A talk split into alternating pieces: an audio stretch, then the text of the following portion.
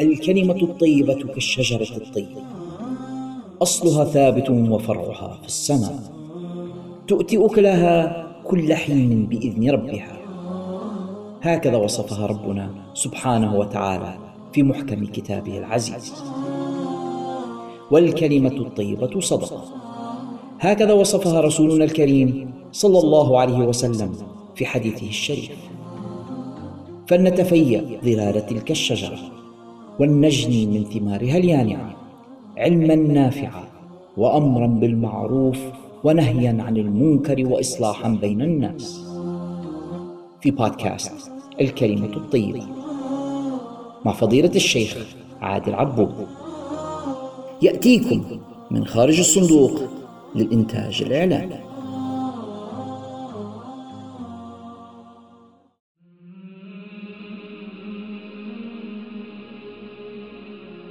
أعوذ بالله من الشيطان الرجيم. بسم الله الرحمن الرحيم. الحمد لله رب العالمين وأفضل الصلاة وأزكى التسليم على سيدنا ونبينا محمد وعلى جميع إخوانه الأنبياء والمرسلين وعلى آل كل وصحب والملائكة والآئمة وأشياخنا ووالدينا وأهلينا وجيرتنا والمسلمين. اللهم افتح علينا حكمتك وانشر علينا رحمتك وأعنا على تقواك وما فيه رضاك يا ذا الجلال والإكرام. اللهم أخرجنا من ظلمات الوهم وأكرمنا بنور الفهم وافتح علينا بمعرفة العلم وسهل أخلاقنا بالحلم واجعلنا من الذين يستمعون القول فيتبعون أحسنه يا أكرم الأكرمين. وبعد فهذه الحلقة الرابعة من برنامجنا الكلمة الطيبة. نذكر شيئا من أحكام الصيام. هناك أمور لا تفسد الصوم ومنها غبار الطريق وأيضا بلع الريق. إنسان إذا كان واجهه غبار في الطريق وأحس به أنه وصل إلى حلقه فلا شيء عليه وصومه صحيح. وأيضا إذا تجمع الريق في فمه ثم ابتلعه فلا شيء في ذلك. وكذلك النخامة والأولى طرحها. من الأشياء أيضا التي لا تفسد الصيام الحقنة في الوريد. الحقن بجميع أنواعها لا تفسد الصيام. ما عدا حقنة التغذية لأن المريض يعيش عليها ولو شهورا. فمن هنا قال العلماء هي مفطرة وحكم هذا المريض كما علمنا إن كان يستطيع القضاء بعد الشفاء فعليه بالقضاء وإلا فيخرج الكفارة الصغرى مدا عن كل يوم أفطره. أما باقي الحقن سواء كانت حقنة مريض السكر أو غيرها فجميعها ليست بمفطرة.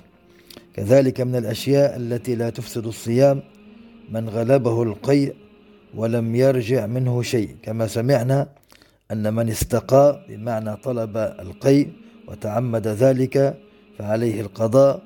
وفيها تفصيل المسألة إذا رجع منه شيء غلبة أو عمدا.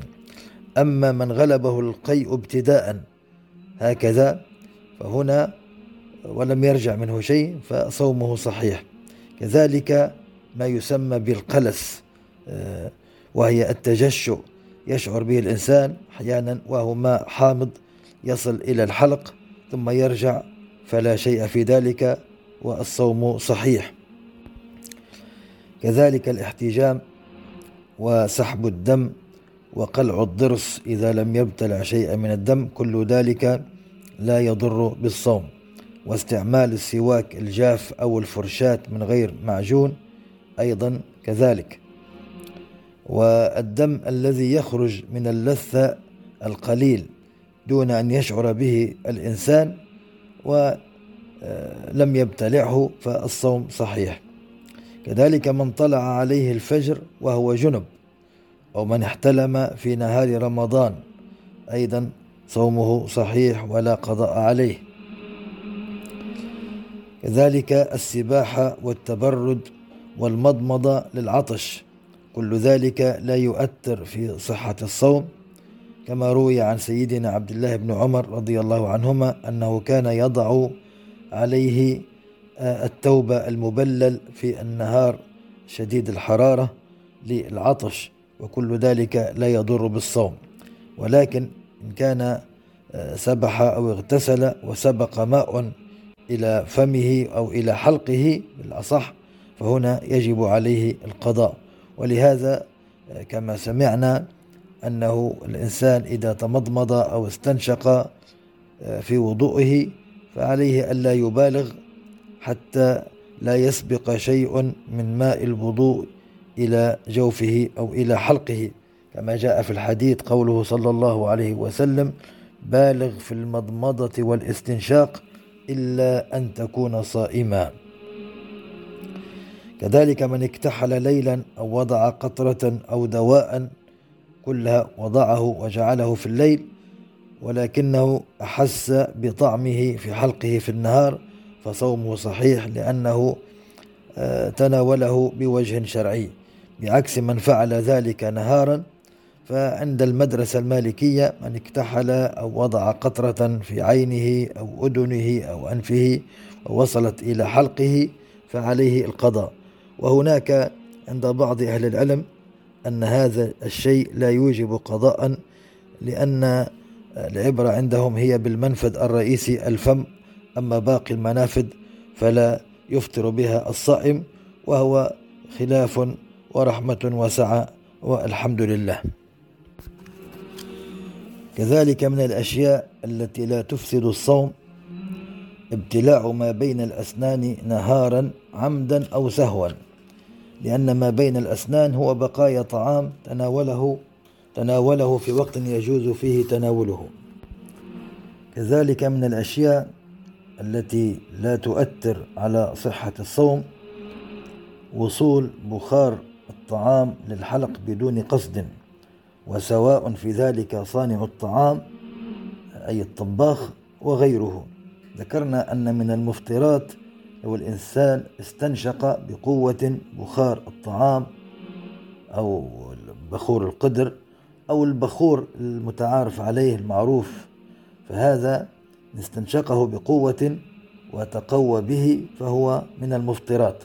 ولكن لو أن آه، بخار الطعام وصل بدون قصد فهذا لا يضر على صحة الصوم. كذلك شم الروائح العطرية على اختلاف أنواعها فهذه أيضا لا تؤثر على صحة الصوم. وهناك من أهل العلم من يرى أنها مكروهة لأنها من جملة الترفه وقد تذكر الإنسان بشهوة الفرج فمن هنا آه، كرهوا كراهة كراهة تنزيهية أن يتركها الإنسان أثناء الصيام في النهار. سمعنا في بعض الأحكام الشرعية نذكر أن هذا الحكم على رأي أو اجتهاد المدرسة المالكية وهكذا قال به السادة المالكية. فبعض الناس قد يتساءل ما معنى هذا الكلام أو لماذا هذه المدارس أو لماذا هذه المذاهب. فالإجابة وإن كان الموضوع يطول شيئا ما ولكن نذكر منه نبذة فالأحكام الشرعية هناك الأحكام تنقسم إلى نوعين أحكام قطعية وأحكام ظنية. القطعية وهي التي متفق عليها بين جميع المسلمين. سواء كان في الأصول في العقائد أو في بعض الفروع مثلا فرضية الصلاة فرضية الصوم أن الصلوات خمس في اليوم والليلة وهكذا. هذه أحكام قطعية لا تجد من اجتهد فيها من أئمة المسلمين. ولكن هناك نوع آخر كما ذكرنا وهو أحكام ظنية بمعنى أن الشارع الحكيم هكذا لم يأتي فيها نص قطعي فبقيت للاجتهاد وهي مساحة واسعة كما جاء في الحديث قوله صلى الله عليه وسلم بما معناه إن الله فرض فرائض فلا تضيعوها ونهى عن أشياء فلا تنتهكوها وحد حدودا فلا تعتدوها وسكت عن أشياء رحمة بكم غير نسيان فلا تبحثوا عنها. فهذه المساحة وهي مساحة الاجتهاد. والأمر بالاجتهاد جاء أيضا في سنة النبي صلى الله عليه وسلم عندما أمر الصحابة بأن يتوجهوا إلى بني قريظة وقال لهم لا يصلين أحدكم العصر إلا في بني قريظة. فاختلف الصحابة رضي الله عنهم في تطبيق كلام النبي صلى الله عليه وسلم. هل المقصود به أن لا يصلوا العصر نهائيا حتى يصلوا إلى مكان بني قريظة ولو كان ذلك تأخيرا لصلاة العصر حتى يخرج وقتها أو أن المقصود هو الاستعجال ولكن مع عدم إخراج صلاة العصر عن وقتها. فانقسم الصحابة رضي الله عنهم إلى فريقين. كل فريق أخذ بالإجتهاد الذي آه، وصل إليه. فلما أخبروا النبي صلى الله عليه وسلم لم يعنف أحدا منهم ولم يعتب على أحد منهم. فدل ذلك كما قال العلماء وأجمعوا عليه أن الاجتهاد في فهم النصوص شيء مشروع وغير ممنوع. وهؤلاء الصحابة مع علو كعبهم ومع مكانتهم وأيضا مع لغتهم العربية الصحيحة لم يفهموا القصد المراد والحديث يحتمل الاثنين فأقرهم النبي صلى الله عليه وسلم فما بالك بمن جاء بعدهم؟ وإلى أدلة أخرى كثيرة منها حديث سيدنا معاذ بن جبل لما أرسله النبي صلى الله عليه وسلم إلى اليمن قال له كيف تصنع إن عرض لك قضاء؟ قال أي سيدنا معاذ أقضي بما في كتاب الله. فقال عليه الصلاة والسلام فإن لم يكن في كتاب الله. قال فبسنة رسول الله صلى الله عليه وسلم. قال فإن لم يكن في سنة رسول الله.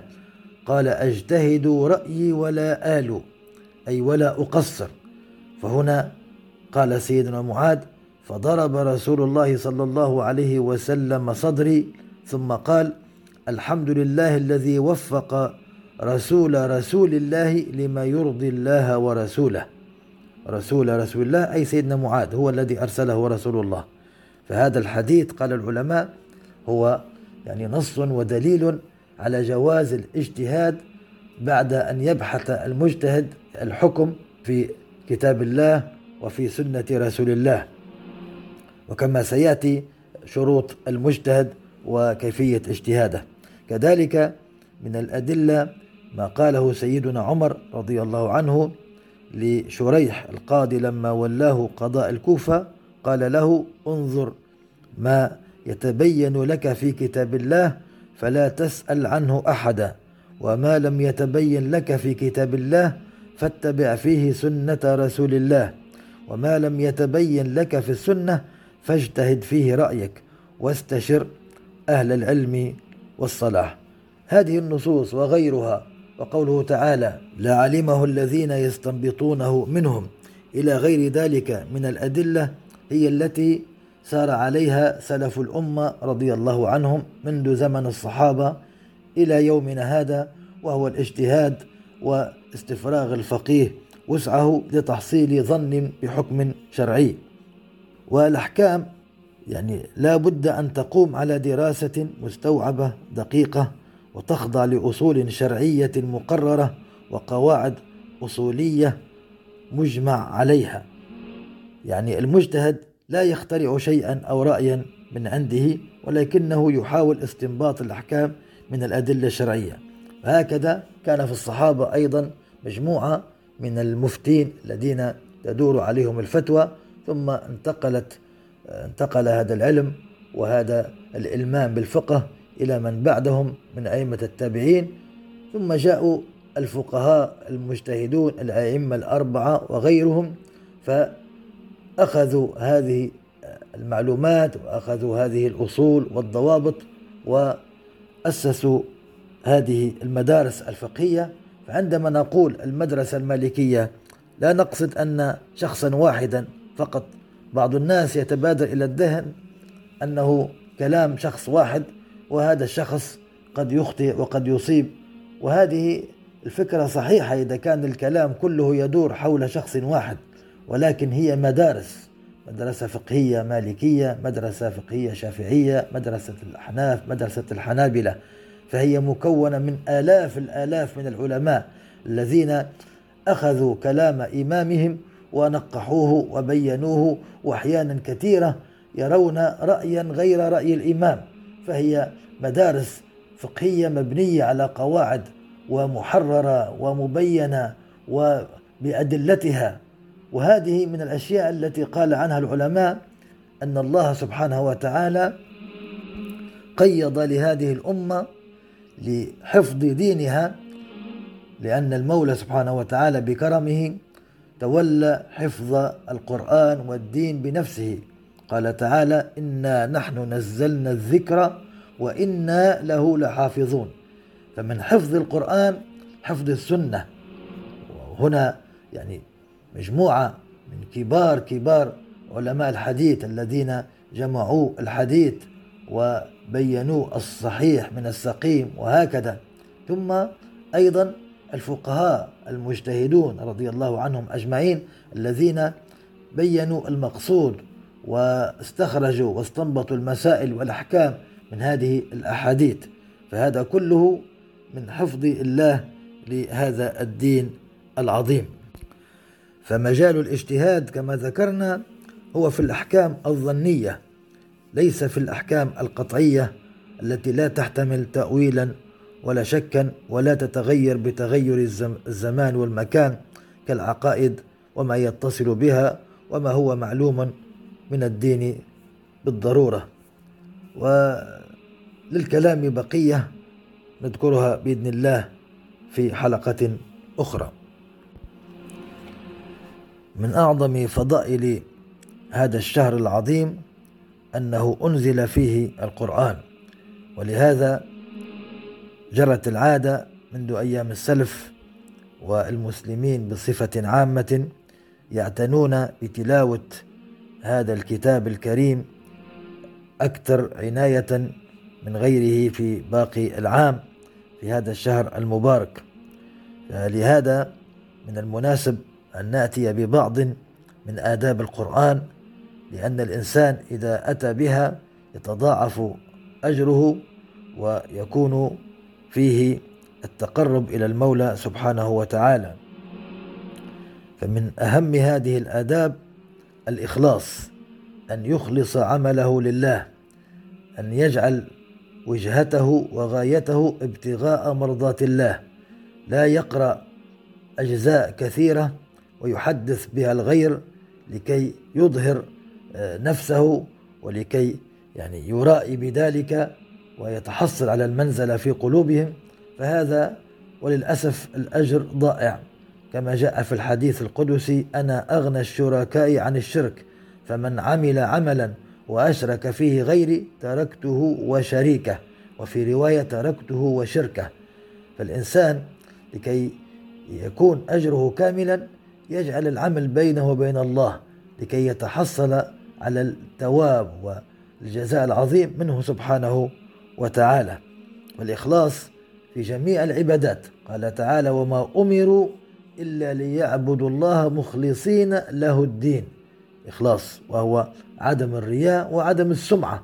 الرياء أن يأتي بالعمل أمام الناس يرائي به الناس على مرأى من الناس لكي يمدحوه ويثنوا عليه. والسمعة يأتي بالعمل فيما بينه وبين نفسه ثم يأتي ويذكره أمام الناس يسمع به. وهذا أيضا من الرياء وجاء فيه الوعيد في قوله صلى الله عليه وسلم من سمع سمع الله به بمعنى فضحه يوم القيامة والعياذ بالله. كذلك من آداب القرآن أن يستحضر في نفسه أنه يناجي الله تعالى ويقرأ على حال من يرى الله تعالى فإنه إن لم يكن يراه فإن الله تعالى يراه. الإنسان يعني المناجاة القرآن عندما يتلو القرآن فهو مناج لله سبحانه وتعالى. من الآداب التي ذكرها العلماء منهم الإمام النووي في آه، رسالة التبيان في آداب حملة القرآن أنه يستعمل السواك والسواك سنة في الصلاة عند إرادة الصلاة وعند الوضوء وعند قراءة القرآن وعند تغير الفم. برائحة كريهة سواء بسبب النوم أو صمت طويل أو كلام كثير فهنا يستحب السواك ويتأكد عند الصلاة وعند تلاوة القرآن. جاء في فضله قوله صلى الله عليه وسلم السواك مطهرة للفم مرضاة للرب. فاستعمال السواك بنية أنه يرضي الله وبنية اتباع سنة النبي صلى الله عليه وسلم وبنية تعظيم القرآن وبنية عدم أدية الملائكة والناس بالرائحة الكريهة كل هذا يتاب عليه المسلم. كذلك من الآداب القراءة على طهارة. يجوز للإنسان إذا كان يقرأ يعني من حفظه وبدون أن يمس المصحف يجوز له القراءة على غير طهارة. طبعا طهارة صغرى أما المحدث حدثا أكبر عليه جنابة فلا يجوز له أن يقرأ القرآن إلا آيات قليلة للتعوذ أو التحصن أو أن يستدل على حكم شرعي فيجوز له. أما ما عدا ذلك آه، قراءة بنية التلاوة فعليه أن يكون متطهرا من الحدث الأكبر. أما إن كان يريد مس المصحف فعليه أن يكون متطهرا أيضا من الحدث الأصغر. بمعنى أن يكون متوضئا. لا يجوز له أن يمس المصحف إلا وهو على طهارة كاملة آه، صغرى وكبرى. يكون متوضئا وطاهرا من الحدث الأكبر. ولكن كما ذكرنا يجوز له القراءة على طهارة إن كانت قراءته من حفظه مثلا ولكن يستحب له أن يكون متطهرا ولا يجب عليه ما دام هو لم يمس المصحف. كذلك من الآداب أن يختار مكانا نظيفا مكانا طاهرا ويشرف آه، ويزيد التواب بشرف المكان. إذا كان في مسجد فمن باب أولى وإلا في بيته في مكان طاهر نظيف وهكذا. ثم أيضا من الآداب استقبال القبلة لأنها أشرف الجهات. جاء في الحديث خير مجالسكم ما استقبلتم به القبلة. فدائما الإنسان إذا أراد أن يقرأ القرآن أو أن يذكر الله وهكذا الطالب إذا أراد أن يذاكر فالأولى وينبغي أن يستقبل القبلة لأن فيها الرحمات وفيها الفتح. ومن الآداب المؤكدة الاستعاذة في البداية بأن يتعوذ من الشيطان. الاستعاذة هي التحصن. يقول أعوذ بالله من الشيطان الرجيم. بمعنى أتحصن بك يا الله وألوذ إليك من الشيطان الرجيم. وإذا قرأت القرآن فاستعذ بالله من الشيطان الرجيم. هكذا يقول المولى سبحانه وتعالى. كذلك من الآداب الخشوع والتدبر. يستحب للإنسان إذا قرأ لا يقرأ قراءة سريعة جدا حتى لا يفهم معاني الكلمات. ولكن يرتل ويتأنى ويتفكر في معاني الآيات ولو كان بجانبه تفسير من التفاسير لكي يفهم بعض الأشياء التي لم يستطع فهمها فمن باب أولى. وإلا قرأ قراءة التواب وهي يجوز فيها المواصلة بدون فهم المعاني. كان السلف الصالح لهم ختمتان ختمة للتلاوة للأجر وختمة للتدبر. والتي للتدبر يبقون فيها أحيانا أشهر أو سنة لأنهم لا يمرون بآية إلا علموا معناها. والقراءة بالتدبر والخشوع هي من أدوية القلب كما جاء عن السلف الصالح. قال أبو بكر الخواص رضي الله عنه دواء القلب في خمسة أشياء قراءة القرآن بالتدبر وخلاء البطن وقيام الليل والتضرع عند السحر ومجالسة الصالحين. هذه الأشياء فيها دواء للقلب من قسوته ومن انشغاله وتكالبه على الدنيا ومن استيلاء الشيطان عليه. فهذه فيها الدواء وفيها الشفاء بإذن الله تعالى. ولهذا كان السلف الصالح أولهم سيدهم صلى الله عليه وسلم. كان يقوم الليل بآية يرددها حتى الصباح. قوله تعالى إن تعذبهم فإنهم عبادك. والسيدة عائشة رضي الله عنها روي عنها أنها قامت ليلة كاملة وهي تردد قوله تعالى فمن الله علينا ووقانا عذاب السموم وهكذا كثير من السلف كانوا إذا مروا بآية من الآيات تستوقفهم ما فيها من معان جليلة ويقف عندها من معان كبيرة عظيمة فيقيمون بها ليلة ولا يشعرون بالزمان. أكرمهم الله بذلك. نسأل الله أن يكرمنا نحن أيضا. ومن الآداب أيضا البكاء عند قراءة القرآن. مدحهم المولى سبحانه وتعالى بقوله ويخرون للأذقان يبكون ويزيدهم خشوعا وجاء في الحديث اقرأوا القرآن وابكوا فإن لم تبكوا فتباكوا الإنسان يعني يستحب له أن يستشعر يستشعر هذه الأمور. كما قال العلماء يحضر قلبه الحزن وما جاء في الآيات من الوعيد والتهديد ثم ينظر إلى نفسه وما فيها من تقصير. فمن هنا هذه الأحوال جميعا تؤثر في القلب وتأتي بالبكاء.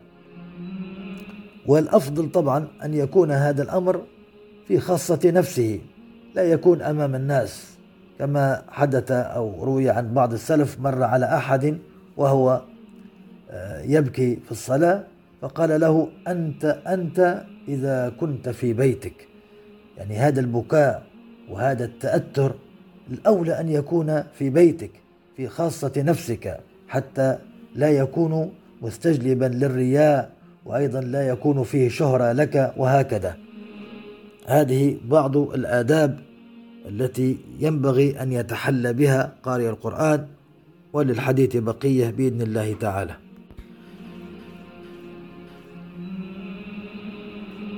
ذكرنا أن من شمائله الكريمة وخصاله الحميدة عليه الصلاة والسلام أنه كان دائم البشر سهل الخلق لين الجانب ليس بفظ ولا غليظ ولا صخاب ولا فحاش ولا عياب. لا صخاب أي لا يرفع صوته بالصياح ولا فحاش أي لا يتكلم بكلام قبيح.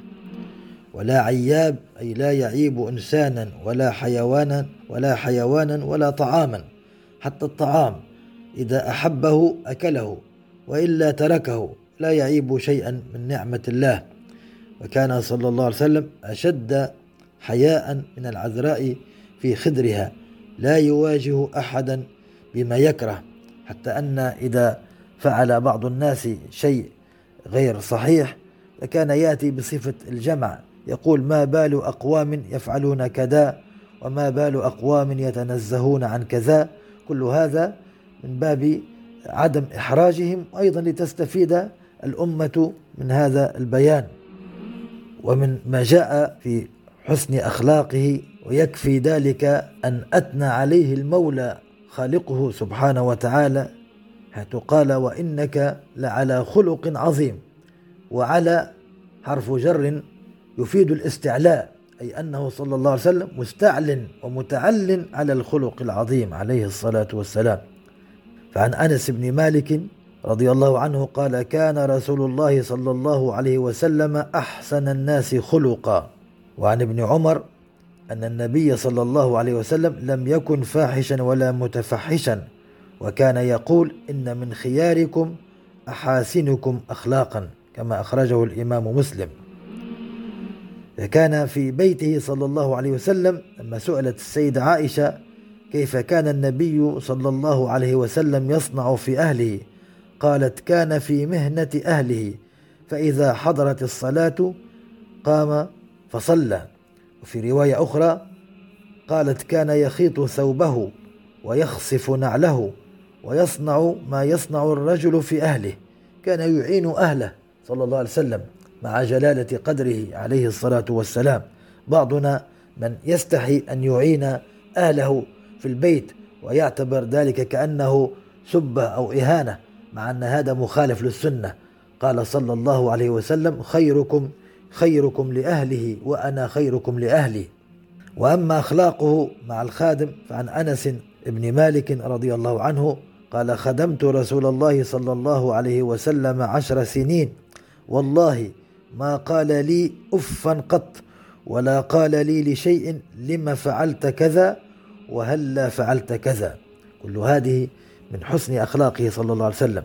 وكان إذا أراد أهل البيت يلومون سيدنا أنس فكان دعوه قدر الله وما شاء كان وما لم يشاء لم يكن. وكان يأتي إلى الخادم ويقول له ألك حاجة؟ ألك حاجة كما أخرجه الإمام أحمد. وأما أخلاقه مع الأطفال صلى الله عليه وسلم يحكي سيدنا أنس قال كان لي أخ يقال له أبو عمير وكان فطيما. فكان إذا جاء رسول الله صلى الله عليه وسلم فرآه قال أبا عمير ما فعل النغير؟ النغير كان عنده عصفور صغير يلعب به.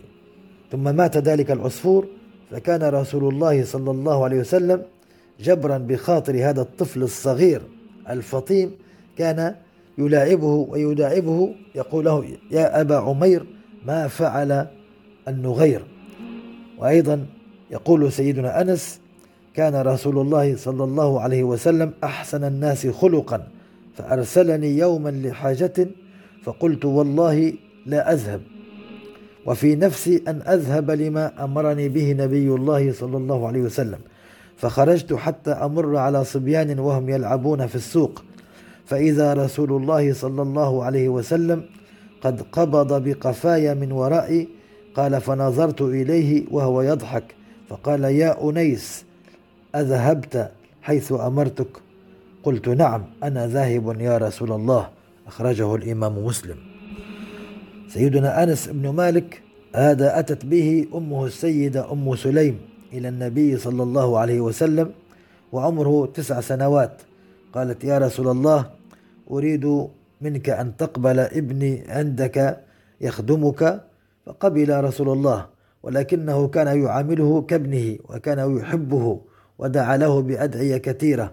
في هذا الحديث سيدنا أنس رضي الله عنه كان صغيرا فقال قلت لا أذهب انظر رسول الله صلى الله عليه وسلم لم يغضب منه وإنما عامله على صغر عقله أتى وراءه ثم أخذ يداعبه على رأسه وقال له يا أنيس من باب المداعبة.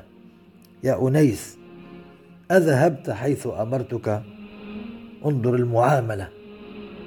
السيد الأعظم صلى الله عليه وسلم الحبيب الأكرم حبيب رب العالمين وسيد الخلق أجمعين انظر كيف يعامل طفلا صغيرا عليه الصلاة والسلام. وكان صلى الله عليه وسلم يزور الأنصار ويسلم على صبيانهم ويمسح رؤوسهم عليه الصلاة والسلام. وللحديث بقية بإذن الله تعالى وصلى الله على سيدنا محمد وعلى آله وصحبه وسلم والحمد لله رب العالمين. إذا كانت هذه الحلقة قد نالت رضاكم واستحسانكم فلا تبخلوا علينا رجاء بترك علامة الخمس نجمات في التطبيق الذي تستمعون إليها من خلاله. وإذا كنتم تستمعون إليها من خلال يوتيوب فلا تنسوا النقر على زر الإعجاب وتشاركها مع أصدقائكم ومعارفكم على وسائل التواصل الاجتماعي كي تعم فائدتها وتصل أكبر عدد من المستمعين. لا تنسونا رجاء من صالح دعائكم. بارك الله فيكم. جميع حقوق هذا العمل محفوظة لخارج الصندوق للإنتاج الإعلامي.